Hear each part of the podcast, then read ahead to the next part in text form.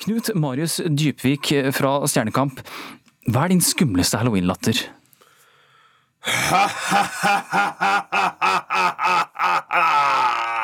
Da ble du bekymret her, Sandra? Ja, nå ble jeg litt redd. Tissa litt på meg. Litt, ja.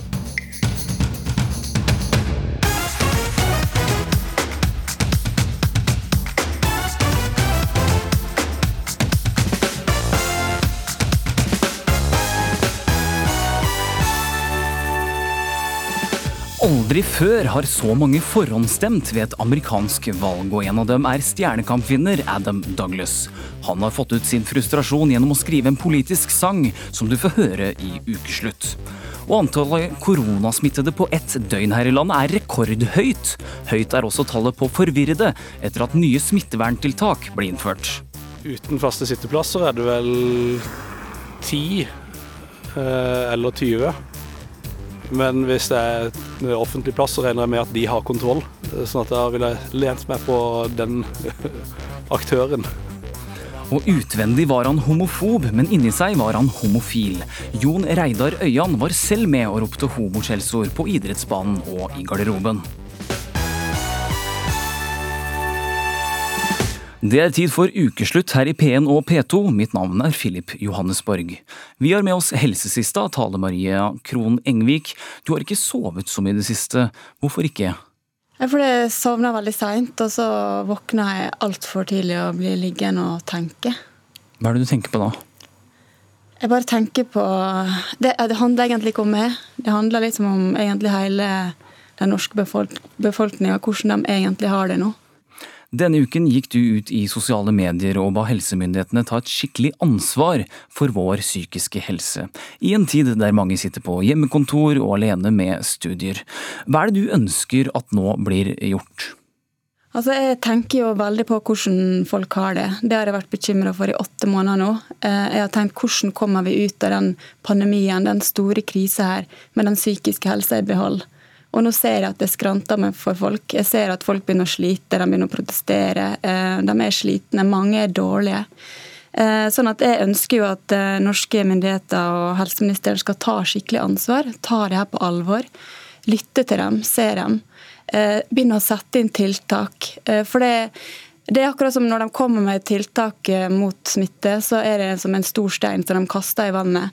Eh, den steinen lager masse ringer, masse ringvirkninger som de ikke snakker om, som de ikke nevner. Eh, og jeg er bekymra. Så, så, jeg ønsker at de skal rett og slett ta ansvar og sette inn tiltak i forhold til den psykiske helsa. Mm. Helseminister Bent Høie, du hører helsesista sliter med søvn fordi hun tenker på alle som sliter psykisk i koronatiden. Hvordan er det med din søvn?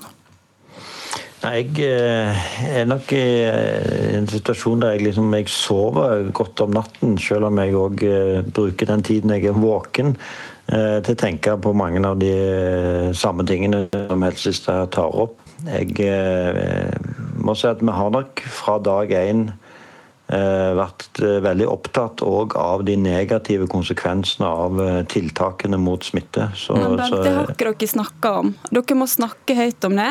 Og jeg savner at når dere kommer med tiltak, så må dere også komme med tiltak for den psykiske helsa. F.eks. det veldig inngripende tiltaket at man bare skal være sammen med fem stykker. Altså, i, I, praksis så er det utestenging satt i system, for da velger man sine fem favorittvenner. Og det her går utover veldig mange barn, ungdommer, uh, unge voksne, voksne. Det, stå, det, får store konsekvenser for folk. Uh, sånn at du trenger å ha med deg fagfolk på lag, du trenger å lytte til folk. Du trenger å sette inn hva gjør vi nå, hvordan, hvordan sørger vi for at, at folk har det bra og kommer seg gjennom det her. Og hva med studentene, liksom, som sitter der helt alene? Ja, Bent Høie, hva slags løsninger har vi egentlig på disse psykiske utfordringene? Nei, Vi gjorde jo det som helsesøster nå ber oss om at vi skal gjøre. Det gjorde vi jo den dagen vi la fram råd om fem. Eh, det som både jeg og statsministeren var veldig tydelige på, og som vi snakket om samme dagen som vi presenterte dette, det var at eh, det var viktig å ikke bare velge ut de fem favorittvennene. Vi sa, og Kjell Ingolf Ropstad brukte begrepet at eh, han håpte at det norske folk vil bruke sosialt mot. Eh, og nettopp tenke igjennom er det noen som du vet om som er ensomme. kan du i denne situasjonen tenke at når du da skal invitere fem hjem, at du ikke bare inviterer de fem som kanskje er litt sånn i en situasjon der de må velge mellom hvilke av vennene de skal eh, besøke. At gjerne en av de da ikke blir invitert, men heller inviterer en som har vært alene. Og det, ja, det andre vi gjorde, det, skjer, det skjer ikke i praksis, ferdig, Det skjer ikke i praksis. Altså, jeg, jeg eh, aner ikke hvor mange unge barn, ungdom og unge voksne jeg har stått og trøsta i vår. At De sitter der og er helt alene. Folk begynner å bli kjempedårlige. Altså Vi risikerer, og vi har et Nav-system og, og psykiatri som allerede fungerer svært dårlig både for barn og voksne. Nå risikerer vi at vi får alle sammen over der. Alle vi hjelperne, vi som står og skal prøve å holde, gi god, omsorg og holde folk oppe, vi føler at vi holder i et synkende skip. Dere må hjelpe oss, for at vi også drukner snart. Hvis ikke dere tar ansvar. Mm. Tar dere ansvar, Bent Høie? Ja, og det var det jeg eh, fortalte. fordi det, det første som helsesøster tok opp, det var at eh, når vi, når vi presenterer smitteverntiltakene, så må vi også snakke om de negative sidene og oppfordre folk om å ta vare på de ensomme. Ja, dere må ikke legge det over på samfunnet. Dere, må, dere er våre eh, lagspillere. Dere må ta ansvar. Og vi, trenger, vi trenger mer penger, vi trenger menneskelige ressurser. Vi trenger å se på hvordan kan vi gjøre ting annerledes. Hvordan kan vi jobbe sammen? Hvordan kan vi sikre at ikke studentene våre faller fra, mister håpet, at lyset slukner i øynene deres. For det er det som skjer nå. Eh, og Folk blir dårlige, rett og slett. Vi må passe på at folk kommer ut av den eh, krisa her med god psykisk helse i behold. Men eh, helseminister Bent Høie, kunne det vært en idé å få et uh, nytt uh, tiltak altså for den psykiske helsen sammen med hvert tiltak eller påbud for smittevern? Ja, Det har vi òg gjort. og Derfor så var det jo for sånn at når vi eh, i sommer ga eh, Stiftelsen Dam betydelige midler for å nettopp se på hvordan mobiliserer en Eh, frivilligheten på en ny måte for å nå fram til ensomme. Eh, når vi ga kommunene penger, ikke minst retta mot sårbare barn, øremerka til dette tiltaket. Og så har vi også kommet med viktige råd til den enkelte. I forbindelse med hjemmekontor så har vi gitt både arbeidsgiveren og den enkelte gode råd, bl.a. om at en ikke setter de samme på hjemmekontor hele veien. At en kan rullere, sånn at en får vært på jobb noen dager i uka. Når det gjelder studentene, så har vi òg det har vært veldig tydelig, både universitetene, studentsamskipnadene og studentorganisasjonene, om at når studentene ikke kan gå på samme måte ut f.eks. og ha et sosialt liv der, så bør en legge til rette for smittevernfaglige, trygge møteplasser mm. Eh, på universitetene og høyskolene. Derfor var vi veldig tydelige på at vi avlyste ikke fadderuken. Fordi fadderuken som studentorganisasjonene står bak, når den er organisert på en trygg måte, så er det viktig for studentene å møtes. Ja, det er kjempebra. Jeg vil se enda mer av det, og jeg vil se at dere er enda tydeligere. og at dere snakke enda mer om det og ta det på alvor. Eh, for da tror jeg også det blir lettere for dere å få folk med dere på den dugnaden i forhold til å begrense smitta. Fordi for at folk er veldig slitne nå. Det er derfor de protesterer, og det er derfor det er vanskelig å få dem, noen grupper til å lytte. Fordi at de er så slitne, de orker ikke mer. De gir nesten opp. De har liksom mista håpet inni seg. Sånn at vi må ta det på alvor. og Jeg, bare, jeg tenker på det systemet vi har også, som ikke fungerer godt nok, at dere også på en måte eh, tar det på alvor og ruster opp. og Der må man investere penger. Dere må gjøre mer, rett og slett. Du kan få svar på det siste, Bent Høie. Ja, det, det, gjør vi. Senest i går la jo regjeringen fram en svær pakke til kommunene der mye av dette, dette foregår. med med over 6 milliarder kroner utover det vi allerede har lagt inn i budsjettet. Er de øremerka til psykisk helse? Nei, ikke alt er øremerket til psykisk helse, men mye kommer Nei, for det må øremerkes. Ellers så er det opp til hver enkelt kommune hvordan de eh, disponerer det. og Da blir ikke det brukt der det det skal. Det blir brukt til brannslukking, og nå må vi også vi må både forebygge, men så må vi ta vare på dem som er så dårlige nå at vi risikerer å miste dem. Takk for det skal vi gjøre, men vi kommer aldri vekk fra at hver enkelt av oss òg må bidra i denne tøffe tiden. Og vi må holde ut og holde sammen. Det gjør vi. I USA har over 87 millioner mennesker stemt før valgdagen på tirsdag. Det viser tall fra US Elections Project. Og aldri før har så mange forhåndsstemt ved et amerikansk valg. Og en av disse, ja det er deg det, Adam Douglas. Velkommen til ukeslutt. Nei, men hallo. Hyggelig å være her. Ja, hyggelig at du er her. Du er født og oppvokst i USA, men de siste 13 årene så har du bodd i Norge. Du har allerede stemt på demokratenes Joe Biden. Hvorfor det? Det har jeg. Også, jeg hadde ikke valg, egentlig. Det er, det er uansvarlig å gjøre noe annet, spør du meg. Um, jeg er selvfølgelig glad i politikken, og, men basically, jeg er redd for det som har skjedd, og det som skjer der borte. Jeg er lei meg hver dag. Jeg er frustrert når det er på tide for endringer, og det er um, Da må det være han Biden og gjengen, mm. tenker jeg. Hvordan er det egentlig å følge med på valget fra Norge? Ja, veldig merkelig. Og, um, god avstand har vi, men det er um, vanskelig å sitte her og så samtidig ser uh, familien min og venner der borte som sliter veldig, og som er også selvfølgelig veldig frustrert og til og med protestere i gatene og uh, så mye som skjer. Så det er, det er veldig vanskelig. Men uh, jeg tror det er ganske fint òg, fordi jeg får litt sånn oversikt på ting. Det er greit å ha litt avstand av og til. Mm. Hva sier de som er i eh, Amerika? Ja, folk er akkurat som meg. Folk er lei og redd og det der, og bekymra. Men eh, veldig mange, tror jeg, er enig med meg at det er, eh, dette går ikke. Det, vi må ha endringer på et eller annet vis. Og så jeg vil gjerne eh, at vi eh, Altså Akkurat nå er det nesten som vi drukner der borte, og jeg merker det. Og jeg vil gjerne at vi kan begynne f.eks. På, på null igjen. Og hvis vi kommer oss dit, og så forhåpentligvis med Biden og gjengen, at det er et fint utgangspunkt. Da kan vi bygge derfra, da kan vi kjøre fram på en måte. Framover. Ja. Mange vil nok huske deg som tidligere vinner av NRK-programmet Stjernekamp i 2017. Ja. Nå slipper du for første gang en politisk låt, ja, 'Joyous Will Be'. En låt om USA, samhold og motstand. Mm. Du kaller det en slags terapi. Hvorfor det? Ja, også musikken har alltid vært min terapi for meg sjøl. Og så til og med nå. Dette må ut. på en måte, Måtte få det ut i kroppen. Um, som jeg har sagt, er eh, Jeg er um, veldig frustrert. Og det, akkurat dette her er min måte å få det ut. Um, og kan, kanskje det kan hjelpe noen andre. Og det er mange som syns kanskje artister og sånn skal holde det privat, det er politisk og sånn. Men for meg det er liksom nok av nok. Jeg må, jeg må, gjøre dette. Det eneste jeg kan, å synge. Så da, derfor skal jeg gjøre dette her.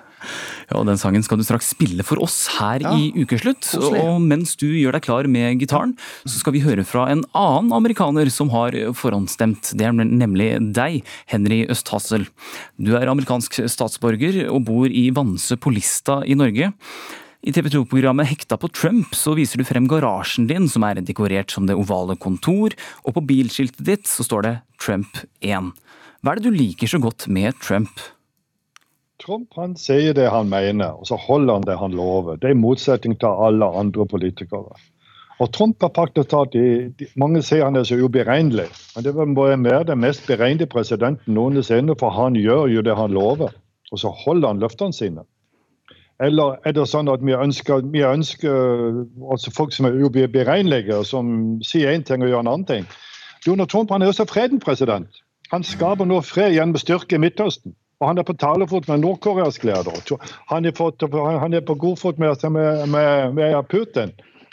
Donald Trump avslutter jo kriger han forgjenger påbegynte. Obama fikk fredsprisen bare fordi han vant valget.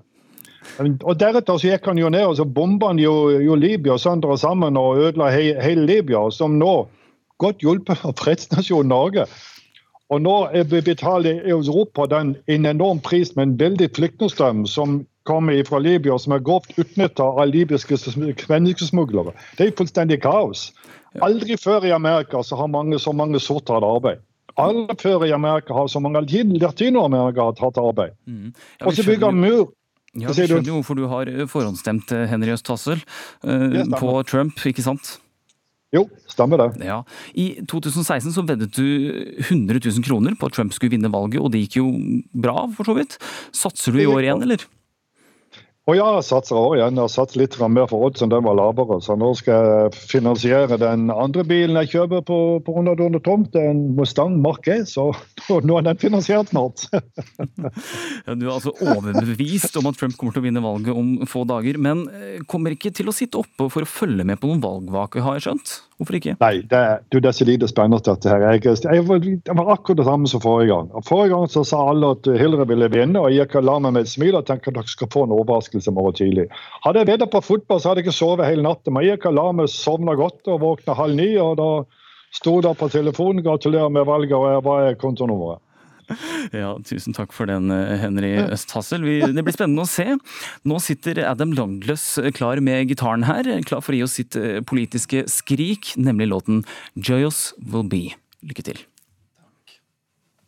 When was the last time better angels rain and walked among us every day? They made a beeline for the back door, and what's more, the truth is up and run away. And so for our children, I pray.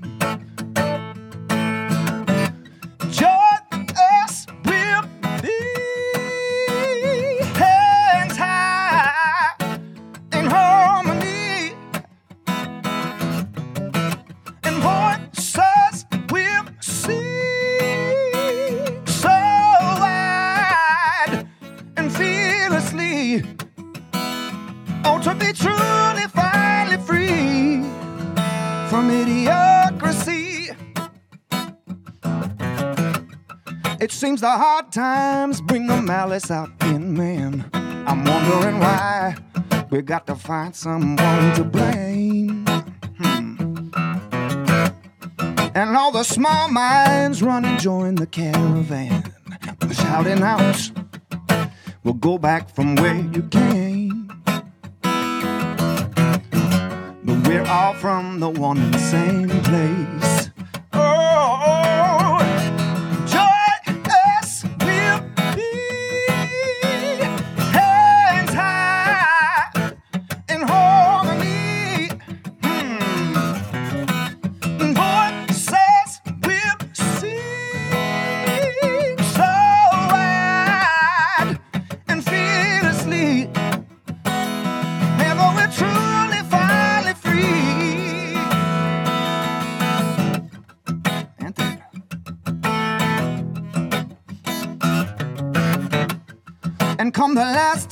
We see the dim, witless eyes.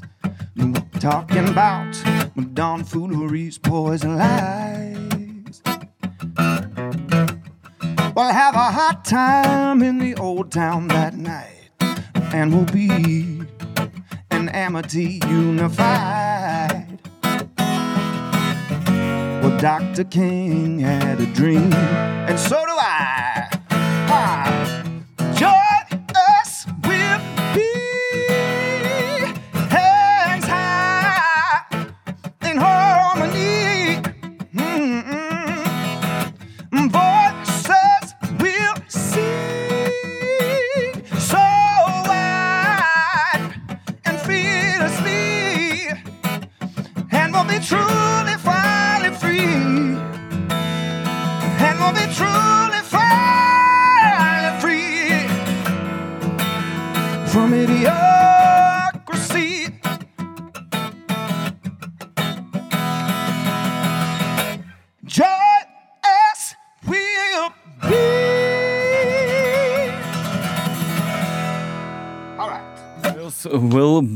Adam Douglas der, altså. Tusen takk. Etter 30 år med den samme lyden fikk Dagsnytt 18 en ny kjenningsmelodi denne uken. Det har ikke manglet på reaksjoner, men de aller fleste av dem kom før noen i det hele tatt hadde hørt den nye vignetten. Ja, Da sier vi velkommen til ukens eh, første Dagsnytt 18. Ja, det er Dagsnytt 18, selv med ny innpakning. Mange fikk seg en støkk denne uken, da Dagsnytt 18 ikke lenger hørtes slik ut. I 30 år har programmets kjenningsmelodi vært den samme. Programleder Espen Aas var likevel forberedt på det verste. Allerede før noen hadde hørt jinglen, så var det negative reaksjoner, og det var emneknagger på, på Twitter osv., og, så videre, og mange var imot, uten at de hadde hørt uh, den nye vignetten. Slik høres altså den nye kjenningsmelodien ut. Nei, det som ikke var så uh, gøy, var jo selvfølgelig at det var noe feil i teknikken. Så idet jeg skulle brenne av et sånt uh, fjongt lite skilletegn i den nye vignetten, så kom for sikkerhets skyld den gamle vignetten opp i stedet. Nå bør vi ikke ha flere enn fem gjester på besøk i eget hjem, uansett smitten der du bor. Ja, jeg tror den gamle vignetten spøker eh, i krokene. For når det kommer til tradisjoner, står det ofte sterke krefter bak. NRKs postkasser bugner over av tilbakemeldinger når nye kjenningsmelodier ser dagens lys. Dagsrevyen har f.eks. skiftet vignett mange ganger.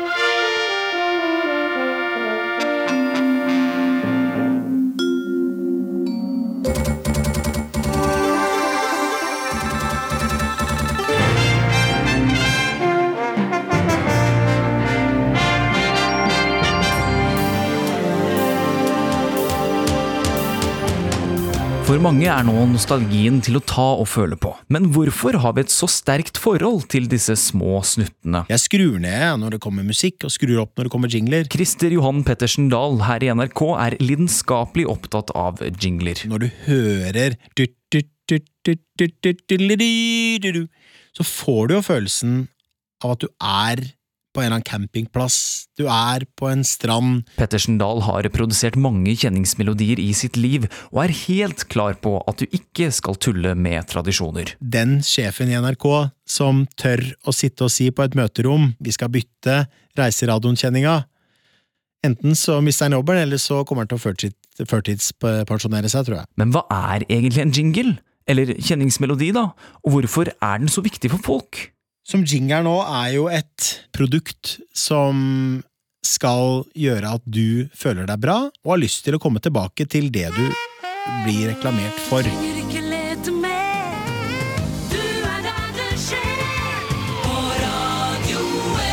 For det er jo det en jingle er. En jingle er en reklame. Det er nemlig ikke bare i radio- og TV-programmer at jingler kommer til sin rett. Du vet helt sikkert hva dette er en reklame for? Eller hva med denne? Selv uten tekst er disse lette å kjenne igjen. Det er noe av poenget, forklarer Pettersen Dahl. En god jingle er noe du synger etter. Altså En god jingle er noe du faktisk får Idet du bare hører starten, så tenker du ok, dette veit jeg hva er. Med så store følelser i sving er det ikke bare bare å skifte ut kjenningsmelodien sin. Forandringer må smyges inn over tid.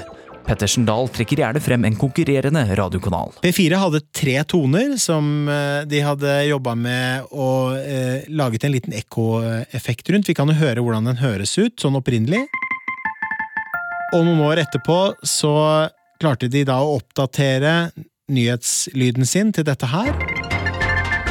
Og i tillegg til det så klarte de da å tilpasse seg med måten musikken utvikla seg på, hvordan nyhetene utvikla seg på, ved da en nyhets, eh, nyhetsvignettendring sånn som dette her.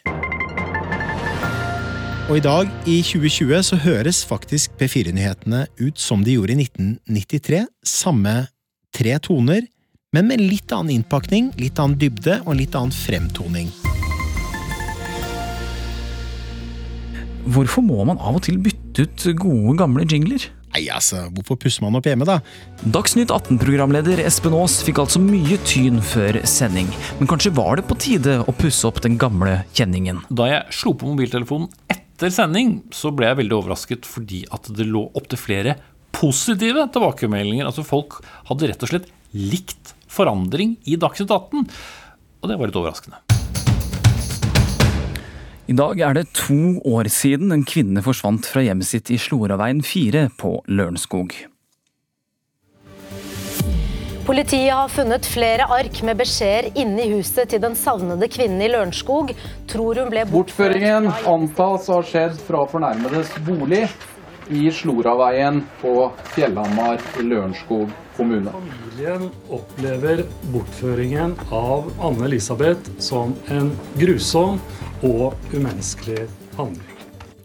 731 dager er gått siden da forsvinningen av Anne Elisabeth Hagen. Politiet mener hun er drept, men jakter fortsatt svar på hvordan og hvem som står bak. Det kan vi lese i dagens VG, hvor annet du, Øystein Mille, krimkommentator i VG, har sett grundig på forsvinningssaken. Hvorfor er ikke denne saken løst?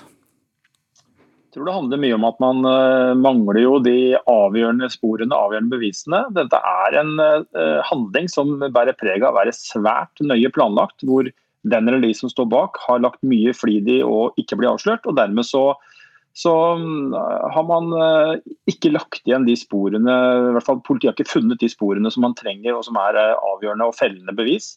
Og Derfor så står vi to år etterpå med flere spørsmål enn svar. Mm. Ja, som du sa, To år siden det skjedde. altså Hvor mange er det som jobber med saken nå? Det er fortsatt veldig stort trykk i politiet på denne saken. Det er eh, oppgitt at det er 30-40 etterforskere som jobber med den saken på heltid nå. og I tillegg så antar jeg at man får bistand eh, ja, når det er behov for det fra andre spesialenheter i, i politiet. Og så har det jo vært eh, massivt trykk gjennom to år. så jeg kan ikke se for meg at det er noen andre saker som er etterforska grundigere og med større ressursbruk enn denne. Eh, enormt materiale man sitter på. 2300 eh, beslaglagte gjenstander, 600 eh, vitneavhør, 6000 timer med video. Sier jo bare litt om hva slags omfang etterforskningen har. Mm, ja, Vi ser jo også at politiet har gått rundt med hunder, de har hatt lydeksperter inne i huset. Hvilke spor kan man egentlig finne så lenge etterpå?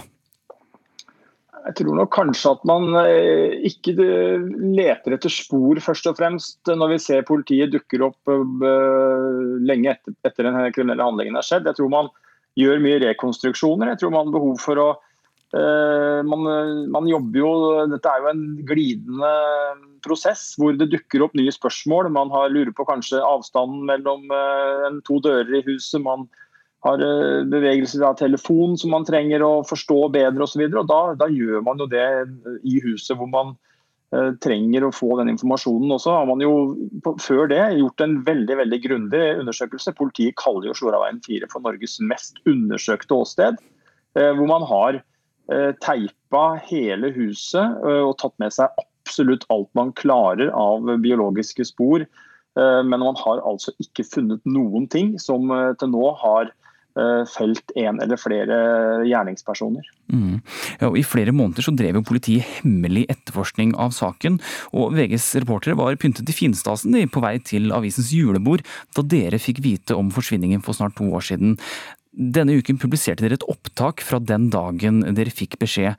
Hvordan var det å kjøre i, om i området rundt huset til Hagenparet da?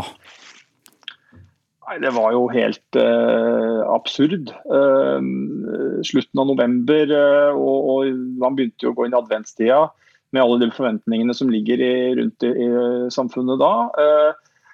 og så kom vi jo da til Langvannet, Sloraveien, området i Lørenskog hvor dette skjedde, og, og, så jo dette Hagenhuset som lå midt blant andre julepynta hus med utebelysning osv., som var helt mørklagt, og hvor det var trukket for gardiner. Eh, og lå der som et slags sånn, eh, fra første dag et slags sånn spøkelseshus. Eh, så det var et veldig spesielt syn. Mm. Helt til slutt, Millie. Tror du saken blir løst? Ja, jeg har sagt at jeg tror det, og jeg får holde fast på det inntil det motsatte er bevist. Jeg skjønner jo at jo mer tid som går, jo mindre er muligheten. Men jeg mener jo at Politiet har samla inn så mye informasjon og at man uh, har så mange metoder. Uh, det går bl.a. fremover når det gjelder å kunne spore kryptovaluta og den såkalte krypterte kommunikasjonen som har vært her. Så, så, jeg velger å tro at denne saken kan få sin løsning. Men om det skjer om en måned eller om et år eller to år, det tør jeg ikke si. Mm. Tusen takk for at du var med i Ukeslutt, Øystein Miller, krimkommentator i VG. I Frankrike er enda en mann pågrepet av politiet i forbindelse med etterforskningen av knivangrepet i Nis på torsdag. Og Marit Kolberg, utenriksmedarbeider her i NRK, hva er siste nytt? Det siste som skjer akkurat nå, er at det sitter tre menn i avhør på politistasjonen i NIS. Vi vet ikke så mye om den, men den ene eh, er mistenkt for å ha gitt gjerningsmannen en eh, telefon. Eller så vet vi ikke stort mer enn hvor gamle de er. Politiet etterforsker om gjerningsmannen kan ha fått hjelp, og det er jo i den forbindelse de har hentet inn disse her. Eh, og gjerningsmannen selv, han ligger fremdeles hardt skadet på sykehus. Mm. Påtalemyndigheten etterforsker altså angrepet som terror. Ses dette i en større sammenheng? Altså, da rettssaken etter angrepet på Charlie Hebdo begynte nå i høst, så trykket jo magasinet Mohammed-karikaturene på nytt, og det vakte reaksjoner. Det ble demonstrasjoner, i, ikke bare i Frankrike, men også i andre land. Og etter hvert så ble trusselnivået hevet, og vi fikk jo dette eh, voldelige og voldsomme drapet på Samuel Paty, læreren for en eh, ja, Som ble halshugget. Ja, halshugget for et par uker siden. Og myndighetene sier at de nå har hevet eh, trusselnivået til det maksimale, og at faren for angrep er stor. Eh, det gjelder også ved franske institusjoner i andre land, sånn som konsulater og ambassader og sånn f.eks. Så det jo, dette, dette, angrepet i NIS blir jo også etterforsket som terror, og det er jo ikke unaturlig å sette dette inn i en større sammenheng der. Mm. Men det er ikke bare terror, det er også korona som preger Frankrike. De har gått i en såkalt lockdown, og folk er nærmest satt i en slags husarrest. Hva innebærer egentlig dette? Altså Alle som ikke må ut, eh, de som f.eks. da skal på jobb på sykehus og sånn f.eks., de må holde seg hjemme. De kan få lov å gå ut én time om dagen, og da en kilometer eh, fra hjemmet sitt. Eh, og da må de da fylle ut et skjema som de har på telefonen som forklarer hvorfor de har beveget seg ut, og som må vises fram til politiet. Nå viser overvåkingsbilder fra gatene i Paris, leser jeg i franske aviser nå, at eh, det er langt flere som er ute nå enn forrige gang landet ble stengt ned. Så det kan se ut som det er mindre respekt for dette forbudet nå enn det det var. Og jeg var inne på en TV-stasjon som har eh, publisert en meningsmåling nå i dag, og den viser at eh, dagens stengning har støtte blant 67% av franskmennene. Det er jo for så vidt ikke så dårlig det, men sist de stengte ned, så var det 93% som støttet det tiltaket. 93% Vi har nemlig med oss en som er i såkalt hus husarrest, nemlig fotballspiller Anja Sønstevold. Du har vært på landslaget og spiller fotball i Frankrike for klubben Fleury, og holder til i nærheten av Paris. Hvordan vil du beskrive stemningen i landet nå? Nei, det var jo litt um, sjokk og når vi først fikk beskjed om at det skulle gå inn lockdown. Men når det har gått nå halvannet døgn vel siden det skjedde, så virker det som om hverdagen er litt uh, tilbake. Så merker jeg egentlig ikke så stor forskjell på det. Nei, Jeg har skjønt at det er ganske ulikt hvor mye du og din samboer kan bevege dere ute? Ja, det er jo sånn at uh, de to øverste divisjonene på herresiden og den øverste på kvinnesiden skal fortsette som uh, normalt. Så jeg fortsetter å gå på trening og kamper mot at jeg har et dokument fra klubben som sier at jeg får lov til det her. Så uh, jeg merker ikke så stor forskjell, men så klart for samboeren min som kun får lov til å være ute én time om dagen, så vil nok det merkes etter noen uker. ja, hva gjør dere da om dere f.eks. må på butikken, da? Nei, da, Det er jo et sånt eh, skjema på telefonen som vi kan fylle ut. Ehm, så mm, det er lov å gå på butikken og være ute den ene timen. Ja, altså Du flyttet da ned i sommer. Var du forberedt på at noe sånt kunne skje da du flyttet ned? Det var jo korona da vi flytta ned, men eh, det var jo litt bedre tider da, så vi tenkte jo at det, det skulle bli bedre. Blant annet da vi, vi flytta ned, så var det ikke karantene inn til Norge engang.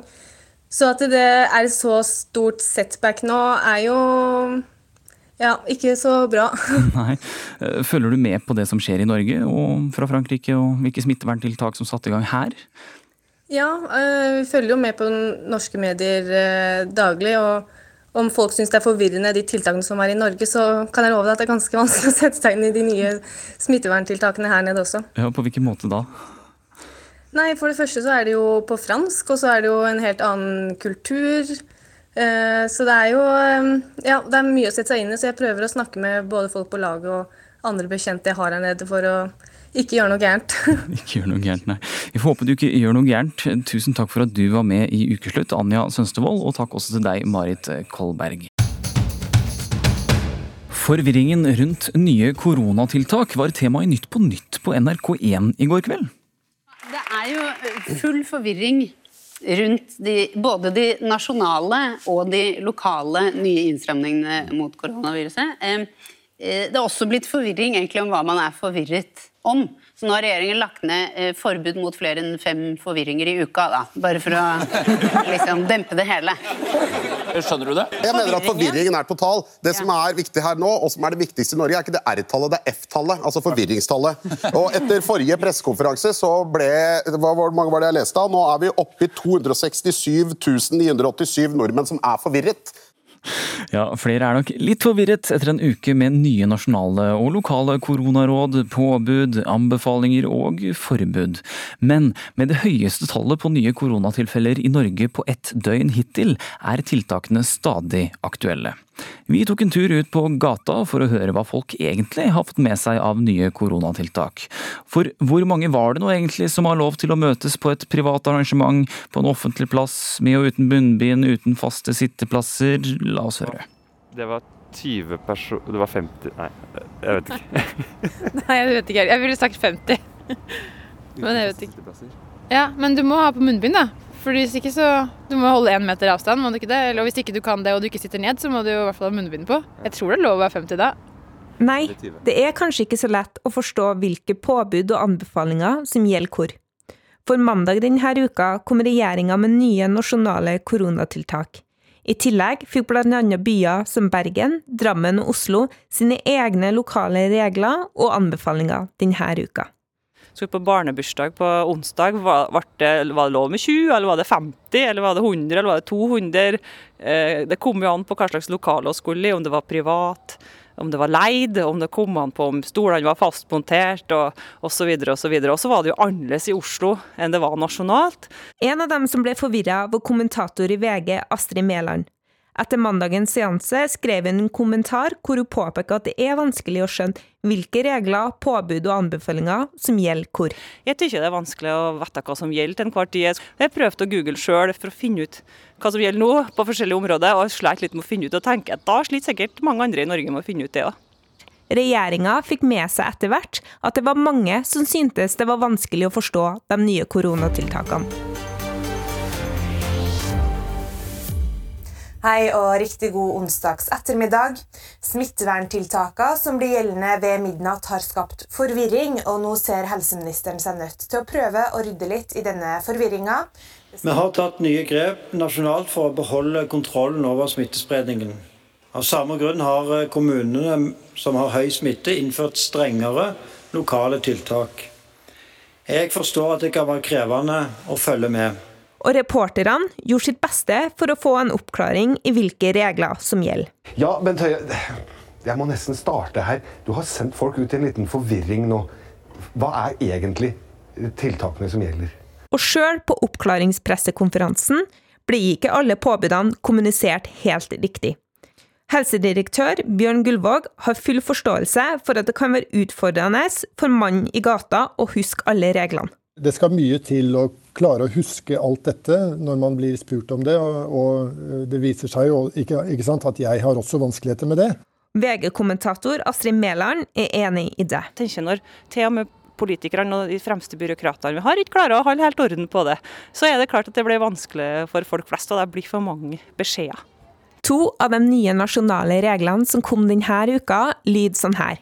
Vi anbefaler at man i private hjem, hager og hytter som ikke har, at man ikke har mer enn fem gjester, i tillegg til husstandsmedlemmer. Vi anbefaler også at alle er sammen med færre personer i sosiale sammenhenger i løpet av én uke. Skulle du ha vanskeligheter med å huske alle de nye tiltakene, så gir verdensrekordinnehaver i hukommelse Ola Kåre Risa tips til hvordan man kan huske regelen om at på et privat arrangement på offentlig sted er det ikke lov til å samle mer enn 50 personer. Det er f.eks. i et familieselskap. Triksene bruker å knytte bilder til informasjonen man vil huske. Jeg begynner utenfor Jokeren. Der får jeg for meg en privat jet som eh, lander oppå en offentlig tjenestemann. Så privat jet er jo min assosiasjon for privat arrangement. Og offentlig tjenestemann er min assosiasjon for offentlig sted. Så går jeg videre til eh, postskranken. Og Der ser jeg for meg en som vifter med en pekefinger, da, som er assosiasjonen min for ikke lov, mot en sjøhest som legger egg. Eh, for en sjøhest ligner jo litt på et femtall. Så en null ligner jo litt på et egg, så derfor er det sjøhest som legger egg. Så går jeg videre inn på denne jokeren. Så da så jeg for meg eksen min som er assosiasjon, f.eks. Og familieskapskap er jo så lett eh, er jo en sånn konkret ting, så der trenger jeg ikke noen egen assosiasjon for det. Da. Enklere kan det ikke gjøres, mener nå jeg. Sjøl har han, som den gode samfunnsborgeren han er, memorert alle koronareglene. På offentlig sted utendørs, der det er fastmonterte seter, så er det lov Men for mange kan alle reglene bli litt mye å huske på. Du skal følge litt godt med for å henge med på hva er det som gjelder fra hvilken dato, og når er det endringene trer i kraft osv. osv. Hva er det som er skillet mellom Oslo og hva som er resten av Norge. Og skulle du fortsatt være litt forvirra over hvilke regler som gjelder hvor, så kan du alltid bruke internett, eller bare gjøre som vår kjære helseminister Bent Høie sier. Alle råd og regler som gjelder, nasjonalt og lokalt, kan imidlertid oppsummeres i fire enkle punkter. Hold minst én meters avstand til hverandre. Hold deg hjemme hvis du er syk, og hold hendene rene. Det fjerde er nå hold nede antall mennesker du møter privat. I går ble det klart at Kristiansund-spiller Flamur Kastrati må stå over fire fotballkamper etter å ha kalt Vålerengas trener for sitat 'jævla soper'. Kastrati sier han ikke visste hva homoskjellsordet betydde, men beklager nå til alle han har såret. Jeg vil enda en gang beklage for det som skjedde. Jeg har vært dypt, dypt ulykkelig etter det som skjedde. Jeg har fått vedtaket fra disiplinærutvalget i Fotballforbundet og aksepterer beslutningen. Jon Reidar Øyan, velkommen til ukeslutt. Takk skal du ha. Hva forteller den siste uken deg? Ja, den forteller egentlig ganske mye. Altså Summa summarum så vil jeg vel si at den viser at vi går i riktig retning i herrefotballen når det kommer til å bekjempe homohets. Ja, du sitter altså i Oslo bystyre for Arbeiderpartiet og leder homonettverket i Ap. Men i din ungdom så var du en aktiv fotballspiller, en, et fotballtalent vil mange si. Og som homofil fotballspiller som kjente din legning, men som ikke bekjentgjorde den. Hvordan var det? Det var ganske tøft, for å være helt ærlig. Altså, Det var vanskelig fordi jeg hadde en kjempestor kamp inni meg, eh, i hodet mitt, eh, hvor jeg visste at jeg var homo, men ikke turte å si det. Samtidig som jeg da skulle fokusere på kampen på banen og sportsprestasjonene. Eh, og så var det jo sånn at uansett hva som gikk gærent, altså om dommeren gjorde en feil, motspilleren gjorde en feil, medspilleren gjorde en feil, så var han en jævla homo.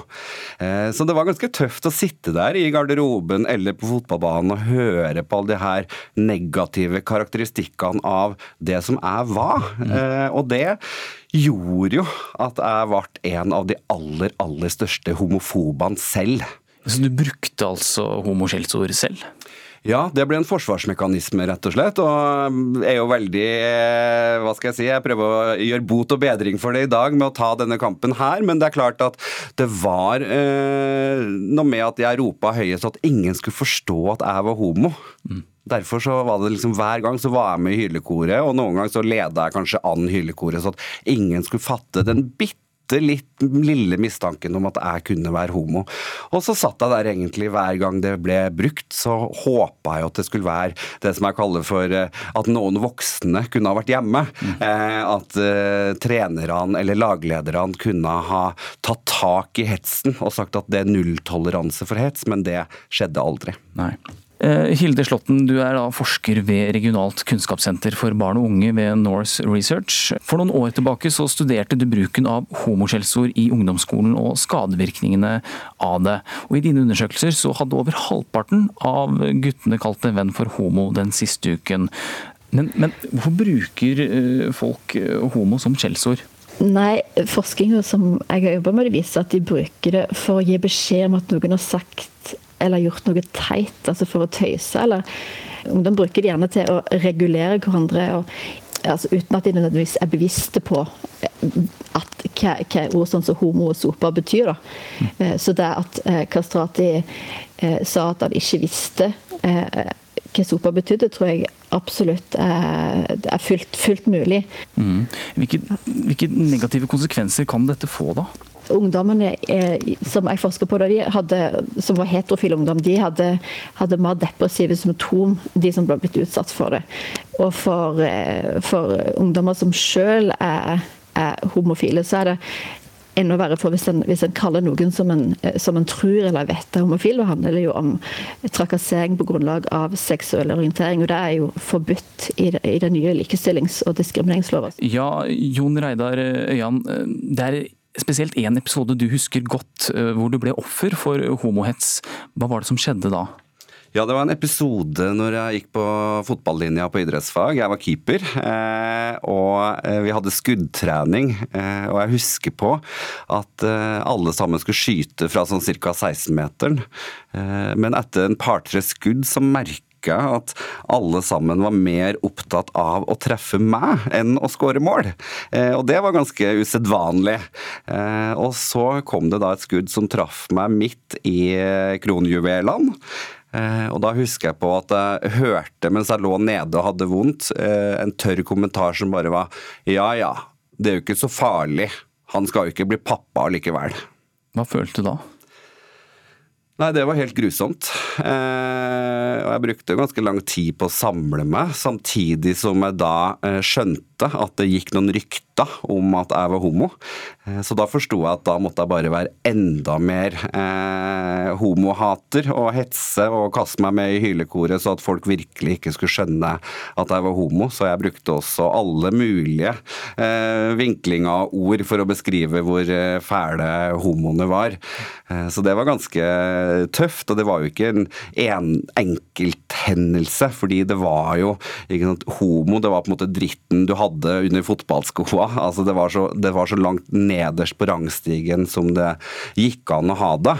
Eh, og så tror jo jeg da eh, at eh, Kastrati han eh, sier at han ikke visste hva sope betydde. Eh, også hvis jeg skal legge godviljen til, så gjorde han kanskje ikke det. Men det som kommer positivt ut av dette, er at nå vet i alle fall store deler av Norges befolkning at eh, ordet soper ikke er noe man skal bruke som skjellsord. Skjeletter, hodeskaller, flaggermus og teaterblod. Kanskje ikke noe du forbinder med landets politikere, men halloween var faktisk tema på regjeringens pressekonferanse denne uken. Og kunnskapsminister Guri Melby hadde gode nyheter til de yngste som kan markere dagen med sin faste gruppe. Og jeg vil faktisk oppfordre barn til å feire bursdag eller halloween med klassen sin eller med avdelinga si i barnehagen fordi det er så viktig nå at ingen holdes utafor. Barn trenger sosial kontakt, og de trenger venner. Mens eh, helsedirektør Bjørn Gullvåg måtte komme en kjedelig beskjed til de litt eldre som hadde gledet seg til halloweenfest. Men for elever på ungdomsskole og videregående skole så gjelder de samme reglene og anbefalingene som for voksne. Og Det betyr at den halloweenfesten som du eventuelt skulle gå på til helgen med 15 venner, den må du avlyse. Eller du får eventuelt lage et annet type arrangement med færre eh, gjester. Ja, noen har kanskje avlyst hele halloween-feiringa, mens andre har kastet om på planene for å tilpasse seg de nye reglene. Nå skal vi til Rindal i Trøndelag og galleriet til kunstner Inga Dalsegg. Hun har et spesielt forhold til halloween, stemmer ikke det, reporter Arne Christian Gansmo? Jo, definitivt. Eh, når du kommer hit til eh, Inga Dalsegg og den eh, ombygde låven, som er både atelier og galleri, så er det da pynta til halloween her. Og vi sitter sammen da med fem skumle barn. Det er Ailo og søstera Kajsa, og så er det Magnar, Kasper, Oliver og hans søster Amanda. Og dette er da barn som på en måte er en kohort, da, for dette er nabolaget. Mm, det er det. Og de har vært der før og slått ut gresskar alle sammen. Ja. Så de vet hva de går til. Så veldig trivelig og småskummel gjeng i dag. men, men, Inga Dalseg, eh, du kan ta et gresskar og holde på med det i ganske mange timer. Eh, hvor lenge har du holdt på med det lengste kunstverket ditt, som er et gresskar? Jeg tror det lengste er 15 timer. 15 eh, timer? Ja. 15 timer med kun skjæring og skraping av gresskarskall. Mm -hmm. ja. Og da skjønner jeg at du skjærer i flere lag. Det er ikke bare å lage hull, men du graderer? Ja. Kommer an på hvor tjukt og stort gresskar er. Hvis det er tjukke nok vegger, så kan du få til tre-fire farger, for å si det sånn. Da. Alt etter om man skraper vekk skall, eller om man graver med litt nedover i gresskarkjøttet, eller om man skjærer gjennom, så du kan få mange, mange nyanser. Ja. Og hvert år så lager du da et gre- kjendisgresskar. For to år siden lagde du Donald Trump. Han Ja. passa vel fint som oransje. Ja, du det var det skumleste gresskaret jeg laga. Og han er jo oransje på utsida, litt tom innvendig, snart råtten og gått ut på dato. Så jo, passa bra. Og hvem ble det i år. I år ble det Herman Flesvig i rollen som Ola Halvorsen fra Første gang tjenesten. Jeg syns jo det er en utrolig artig serie, så jeg måtte bare lage han. Og han har sett det sjøl òg? Det har han. Han har delt det på Instagram. Ja. Mm -hmm. Du må høre med Amanda her, da. Hei, Amanda. Du er eh, åtte år gammel. Hva er det du holder på med nå? Nå holder jeg på å heve ut ting fra gresskaret. Ja. Hva er det du skjærer for noe, da? Få se på det. Hva er det det skal bli for noe? Et, sk- en heks, ja. Oi! Hva syns du om å komme her sammen med gjengen og skjære gresskaret? Ganske fint, egentlig. Ja. Er ganske ofte uansett, da. Ja, riktig. Og du har pynta deg, du også. Er du, du har sånn fin kjole. Er du heks, du òg? Ja. Skikkelig, skikkelig skummelt. Eh, du sitter her nå og skjærer på et nytt gresskår som du begynte med i går kveld. Hvem skal det bli, da? Du, det her er fra Game of Thrones. Så det her er Daenerys eh, Mother of Dragons med en drage på skuldra. Så det blir som et portrett av henne med en drage, da.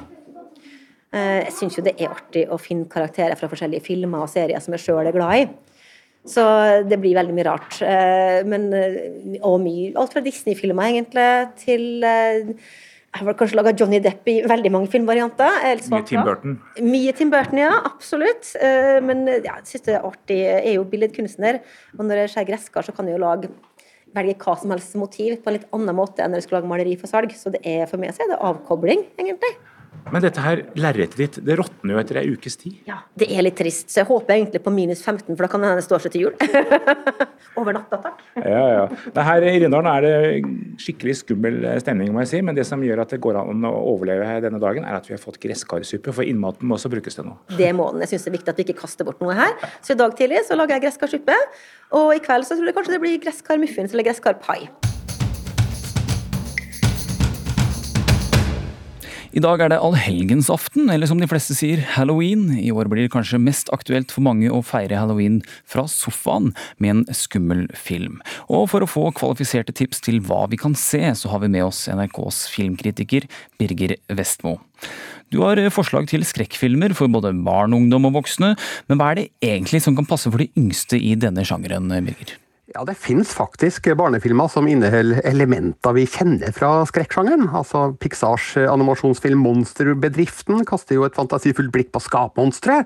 Tim Burtons 'Frankenweenie' er en mørk og morsom Frankenstein-hyllest. Og 'Kasper' handler jo om et vennlig spøkelse. Men den har tenkt å trekke frem, er en animasjonsfilm som heter 'Hotell Transylvania'. Welcome to Hotel Transylvania. Do not disturb. Do not disturb. Do not disturb. Human free since 1898.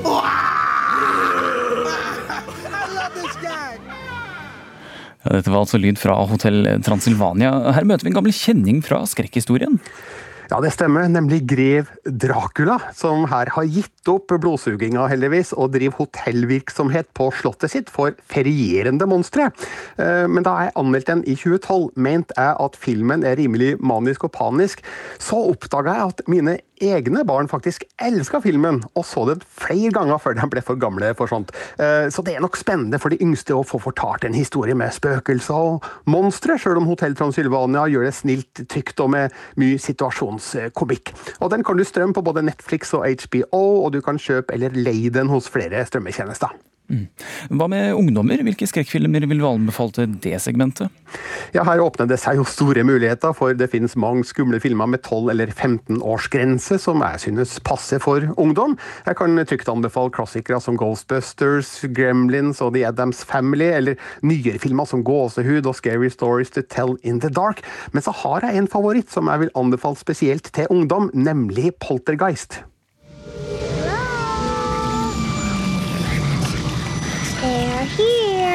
Sweetie, remember last night? Do you remember when you woke up and you said you were here?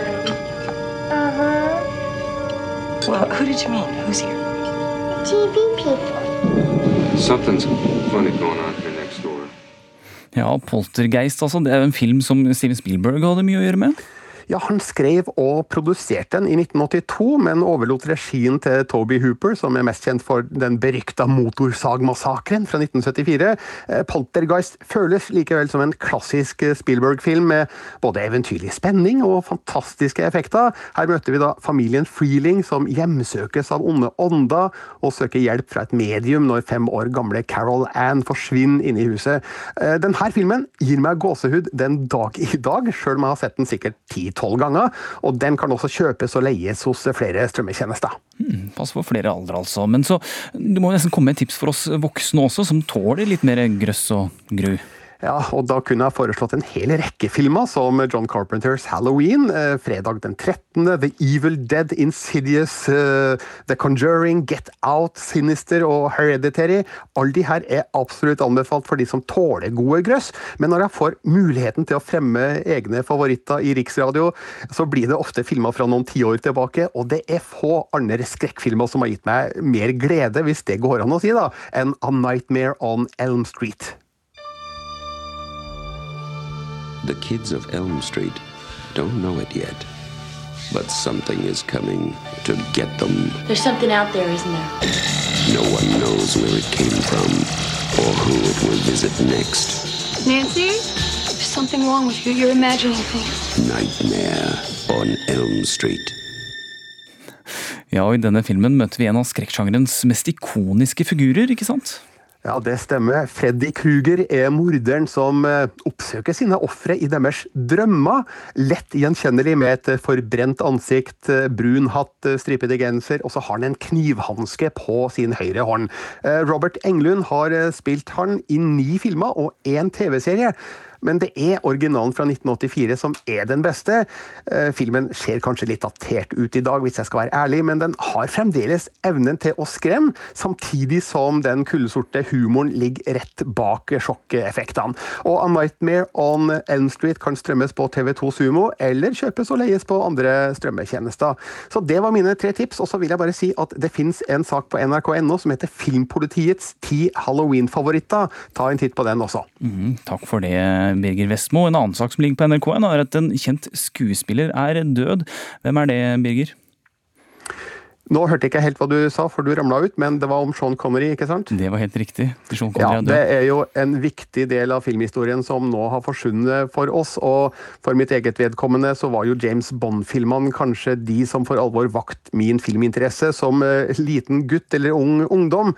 Og han har jo virkelig sitt uh, sted i filmhistorien uh, nagla. Og han har jo ikke bare vært James Bond, han har også spilt flere andre gode roller som Jim Malone i De ubestikkelige, som han ble Oscar-nominert for. Og han huskes også veldig godt som pappaen til Indiana Jones i filmen Det siste korstog. Så eh, her eh, har vi en eh, legendarisk eh, skuespiller som eh, har gitt oss mye filmatisk glede i mange, mange tiår. Så det, det er sørgelig at eh, han nå er borte, sjøl om 90 er en respektabel alder. Respektabel alder, ja. Og Hvis du da ikke er så glad i Halloween-filmer, så kan du da kanskje se en eh, Sean Connery-film. Tusen takk for at du var med, Birger Vestmo, filmkritiker her i NRK. Og Stjernekamp-finalistene er nå på vei inn i studio, og en ting jeg lurer på, Sandra Lyng, hva er din skumleste halloween-latter?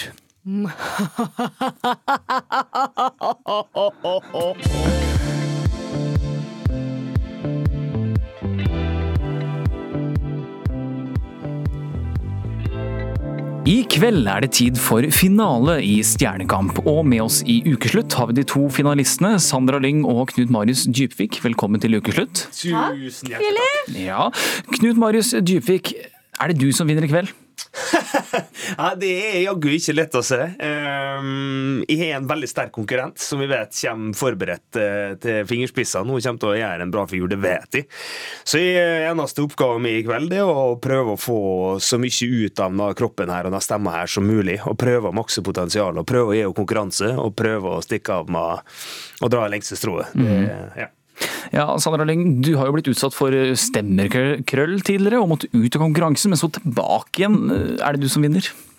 Det Åh, altså, det er, jo, det er jo det jeg virkelig, virkelig håper på. Men uh, Knut Marius har jo liksom vært litt min favoritt, og mange sin favoritt fra start av.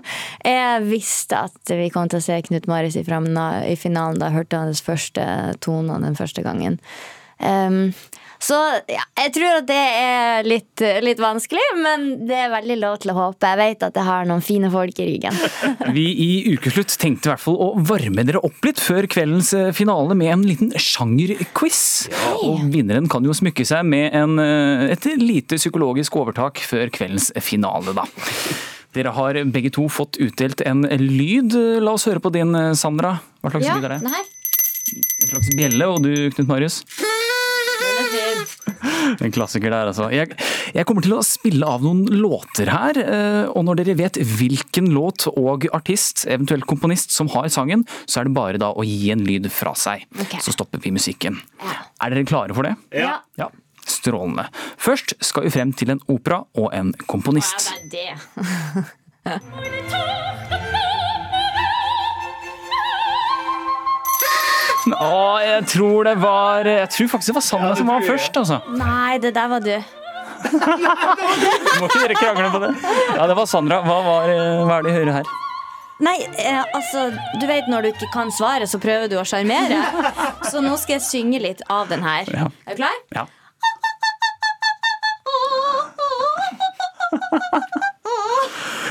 Helt nydelig. Ja, Knut Marius, hva var det vi hørte her? Uh, oh, nå To sekunder igjen. Uh, Figaros bryllup.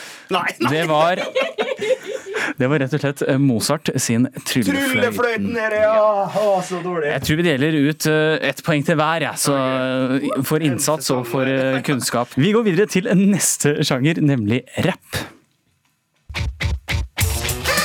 Oh, der var Knut Marius først.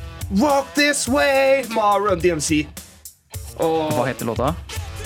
Walk this way. Helt riktig, du sang den jo, men Ja, ja, ja, Walk this way. det. Ja, Aerosmith og Run DMC. Det var den jeg skulle ta hvis hun kom til hiphopen.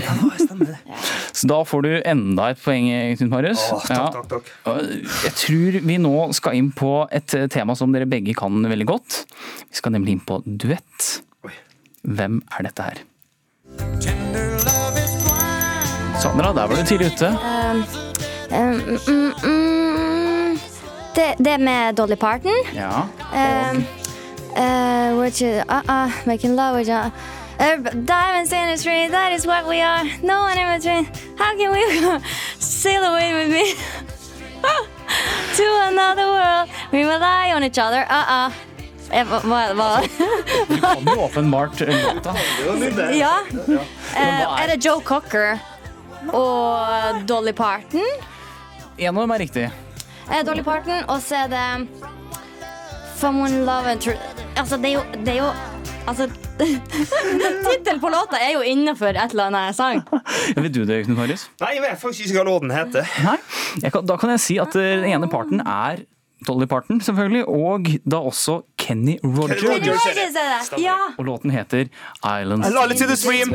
Altså, jeg tror det er du som stikker av med poenget her, eh, Sandra. I hvert fall. Takk, Philip. Ja. Da er det, det er 2-2, rett og slett, og ingen har et overtak. Men nå gjelder det som det aldri før har gjalla, fordi på siste låt så går vi for en slags beat for beat-løsning. Temaet er, eller sjangeren da, er Melodi Grand Prix. Oi. Første som begynner å synge, får lov til å få poenget og stikke av med seieren i dette vorspielet. Vi starter rett på. Eh, la det svinge, Ranne rock'n'roll.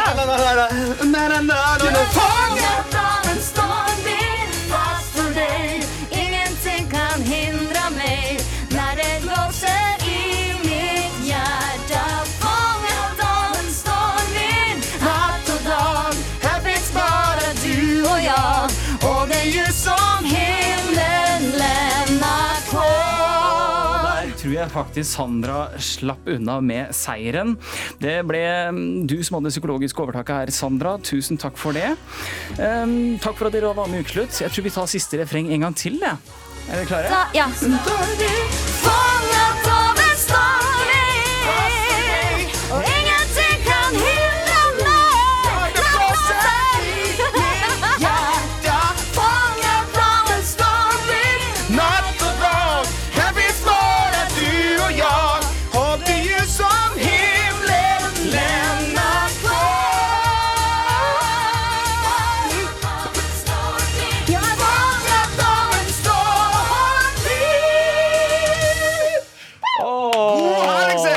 Tusen takk for at dere var med i Ukeslutt. Sandra Lyng og Knut Marius Da fikk vi varme opp stemmen til kveld.